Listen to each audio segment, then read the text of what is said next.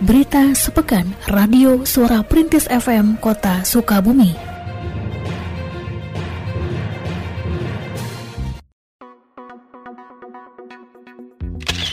Bulan Ramadan sejatinya merupakan saat bagi seseorang untuk menjadi insan yang lebih bertakwa dan bersyukur. Dalam konteks aparatur sipil negara ASN, kedua hal tersebut memiliki arti bahwa selepas Ramadan, para ASN harus lebih meningkatkan kinerja serta menjadi teladan. Demikian disampaikan oleh Wali Kota Sukabumi Ahmad Fahmi dalam apel perdana pasca cuti bersama Idul Fitri pada hari Senin 9 Mei 2022 di Balai Kota. Pada apel yang digelar dengan suasana kekeluargaan dan dihadiri oleh Wakil Wali Kota, sekretaris daerah, para pimpinan organisasi perangkat daerah OPD, BUMD, serta karyawan-karyawati pemerintah kota Sukabumi, wali kota mengajak semua untuk membangun suasana kerja positif, menjauhi hal-hal negatif, seperti halnya pada saat bulan Ramadan, dengan menjaga dan mengendalikan hawa nafsu. Selain itu, semua aparatur diperintahkan untuk lebih intensif menjalin komunikasi dengan masyarakat. Secara khusus, Wali Kota mengapresiasi kinerja 4 OPD, yakni Dinas Satpol PP dan Damkar, Badan Penanggulangan Bencana Daerah BPBD, Dinas Perhubungan, serta Dinas Lingkungan Hidup, karena pelaksanaan Idul Fitri dapat berjalan lancar. Termasuk penertiban pedagang kaki lima PKL yang dilakukan pasca lebaran pun bisa dilaksanakan dengan baik. Jadi teman-teman itu bukan hanya supaya kita bertakwa, enggak tetapi Ramadan mencetak kita juga untuk menjadi pribadi bersyukur. Ingat, takwa dan syukur. Dalam konteks kita sebagai seorang aparatur, maka menjadi pribadi yang bertakwa ini identik dengan keteladanan. Sedangkan dalam konteks syukur, la'allakum tasyukur, kita sebagai aparatur, maka konteksnya adalah jadilah kalian aparatur yang bersyukur yaitu aparatur yang berkinerja baik Kota Sukabumi menjadi salah satu tuan rumah Festival Olahraga Rekreasi Provinsi atau Forprov Jawa Barat. Hal tersebut disampaikan oleh Kepala Bidang Olahraga Dinas Kepemudaan, Olahraga dan Pariwisata atau Dispora Park Kota Sukabumi, Ganjar Ramdhani Saputra saat ditemui di kantornya pada hari Selasa 10 Mei 2022.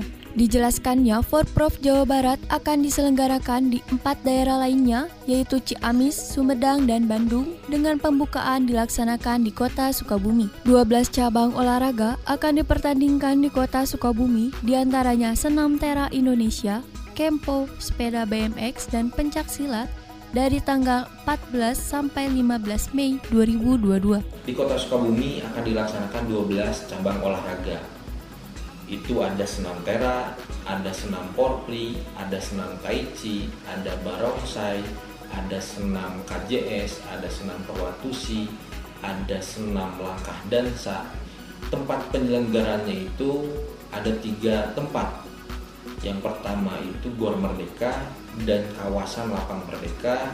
Yang kedua itu di Islamic Center, yang ketiga itu di Gedung Dua. Tapi ada satu tempat yang menjadi tempat alternatif, yaitu Gor Liverpool. Itu menjadi tempat alternatif untuk pelaksanaan jikalau di luaran itu hujan, maka akan dialihkan ke Gor Liverpool.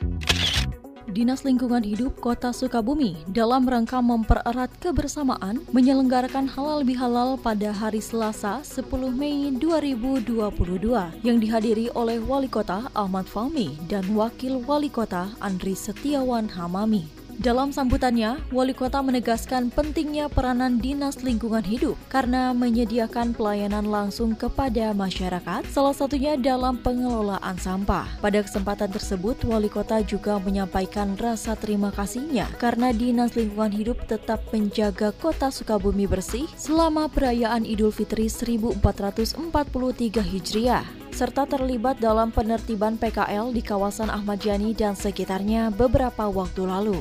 Sementara PLT Kepala Dinas Lingkungan Hidup Endah Aruni mengatakan bahwa volume sampah pasca lebaran mengalami peningkatan sebesar 15% dari biasanya. Namun hal ini bisa diatasi karena pihaknya memiliki personil sebanyak 150 orang dan 15 armada pengangkut sampah. Dijelaskannya pula bahwa untuk mengatasi daya tampung TPA Cikundul yang semakin menipis, pihaknya telah berkoordinasi dengan pemerintah pusat untuk melakukan penataan TPA sehingga bisa tetap digunakan maksimal lima tahun ke depan. Seperti tahun-tahun lalu, kalau memang mau lebaran itu meningkat, apalagi sekarang uh, COVID ya, jadi banyak sekali yang delivery order gitu kan banyak sekali sampahnya.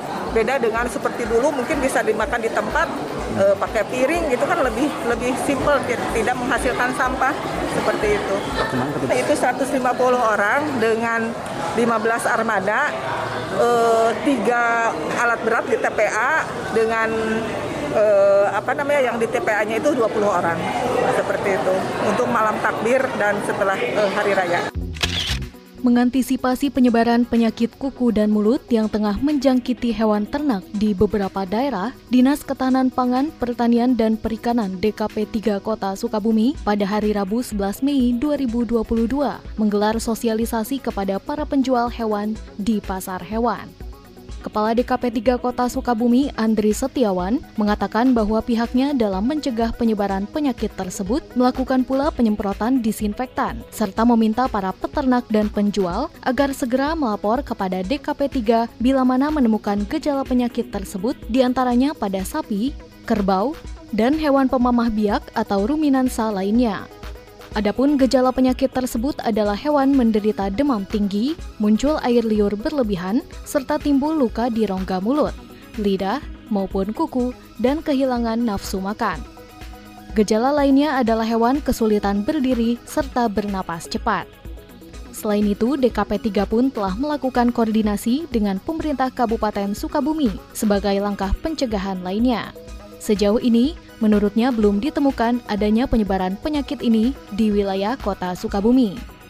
Dihimbau pula kepada peternak agar rutin melakukan disinfeksi serta melakukan vaksinasi pada hewan ternak mereka. Ya saya sampaikan kepada peternak, pertama khususnya dinas melakukan disinfektan. Kedua, dinas memberikan surat kepada peternak yang ada di wilayah kota Sukabumi. Ya, yang ketiga, dinas melakukan kegiatan e, memberikan e, vaksinasi kembali. Yang keempat, ya kita ada kerjasama antara dinas dengan polsek kebetulan di sini pasar hewan dengan polsek. Nah, polsek juga akan membantu untuk lalu lintasnya ketika dari warga luar masuk kota Sukabumi ada pencegahan pencegahan pemeriksaan pemeriksaan masuk ke pasar hewan. Pasca libur Idul Fitri 1443 Hijriah, Proses pembelajaran di setiap sekolah kembali dilaksanakan mulai hari Kamis 12 Mei 2022 sesuai dengan jadwal yang telah ditetapkan oleh Dinas Pendidikan dan Kebudayaan Kota Sukabumi. Pada hari pertama masuk sekolah, digelar pula ujian bagi siswa kelas 6 SD, seperti halnya yang dijalani oleh para siswa SD Negeri Brawijaya. Kepala SD Negeri Brawijaya, R. Histato Dayanto Kobasah, ketika ditemui pada pelaksanaan ujian yang diikuti oleh 52 orang siswa tersebut menjelaskan bahwa untuk siswa kelas 1 hingga 5 saat ini melaksanakan pembelajaran secara daring selama ujian berlangsung. Sementara itu dengan telah ditetapkannya SD Negeri Brawijaya sebagai sekolah penggerak, para tenaga pendidik saat ini tengah mengikuti berbagai pelatihan yang diadakan secara daring Dijelaskannya bahwa tujuan dari sekolah penggerak adalah menciptakan peserta didik yang memiliki profil pelajar Pancasila. Untuk sekolah penggerak kami eh, baru seminggu ini eh, sedang pelatihan dan kami masih menyerap eh, untuk kurikulum merdeka. Jadi karena kepala sekolahnya penggerak, maka sekolahnya menjadi sekolah penggerak. Dan untuk tahun ini di periode tahap kedua SDN Berujaya satu-satunya sekolah penggerak di Kecamatan Gunung Puyuh. Kami akan belajar dan akan melakukan diseminasi kepada sekolah-sekolah lain agar semua menjadi sekolah penggerak. Utamakan adalah profil pelajar Pancasila. Jadi kita terus eh, membangun, menciptakan eh, siswa-siswa sesuai dengan profil pelajar Pancasila sesuai dengan keinginan pemerintah. Kurikulum Merdeka yang dikembangkan dalam membantu para guru dan siswa selama pandemi COVID-19 terbukti mampu mengurangi dampak hilangnya proses pembelajaran. Kini kurikulum Merdeka telah diterapkan pada lebih dari 140 ribu satuan pendidikan se-Indonesia. Hal tersebut ditegaskan oleh Wali Kota Sukabumi Ahmad Fahmi ketika menyampaikan amanat Menteri Pendidikan Kebudayaan Ristek RI dalam peringatan Hari Pendidikan Nasional tingkat Kota Sukabumi yang dilaksanakan di SMA Negeri 1 pada hari Jumat 13 Mei 2022. Wali kota juga menyampaikan bahwa peringatan Hari Pendidikan Nasional kali ini harus dimanfaatkan sebagai momen untuk kembali memulihkan proses pembelajaran, termasuk semangat tenaga pendidik dan siswa yang selama dua tahun terakhir terkendala pandemi. Pada peringatan yang dihadiri di antaranya oleh unsur Forum Komunikasi Pimpinan Daerah, Kepala Kantor Cabang Dinas Pendidikan Jawa Barat, dan Insan Pendidikan diserahkan beberapa penghargaan seperti Satya Lencana Karya Satya yang diberikan kepada guru dengan masa pengabdian lebih dari 10 tahun. Diserahkan pula penghargaan kepada musyawarah guru mata pelajaran bimbingan konseling yang ikut berperan dalam pemulihan bencana banjir, termasuk penghargaan bagi para siswa yang berprestasi pada Olimpiade Sains. Ya ini tahun ketiga pelaksanaan Merdeka Belajar, kurikulum Merdeka, karena memang tidak bisa dipungkiri selama masa pandemi kemarin, proses pembelajaran e, mengalami gangguan, makanya pemerintah pusat ini menerapkan kurikulum Merdeka. Ya Alhamdulillah di kota Sukabumi baik tingkat SMA sederajat maupun SMP sederajat dan seluruhnya juga melaksanakan pola pendidikan seperti ini. Masuk pasca pandemi ini, sekarang udah Alhamdulillah ya, Alhamdulillah uh, kurikulum Merdeka ini, kurikulum Merdeka Belajar menjadi bagian yang dalam proses kemarin masa-masa pandemi ini mampu untuk menjaga anak-anak kita tetap produktif di bidang pendidikan mereka.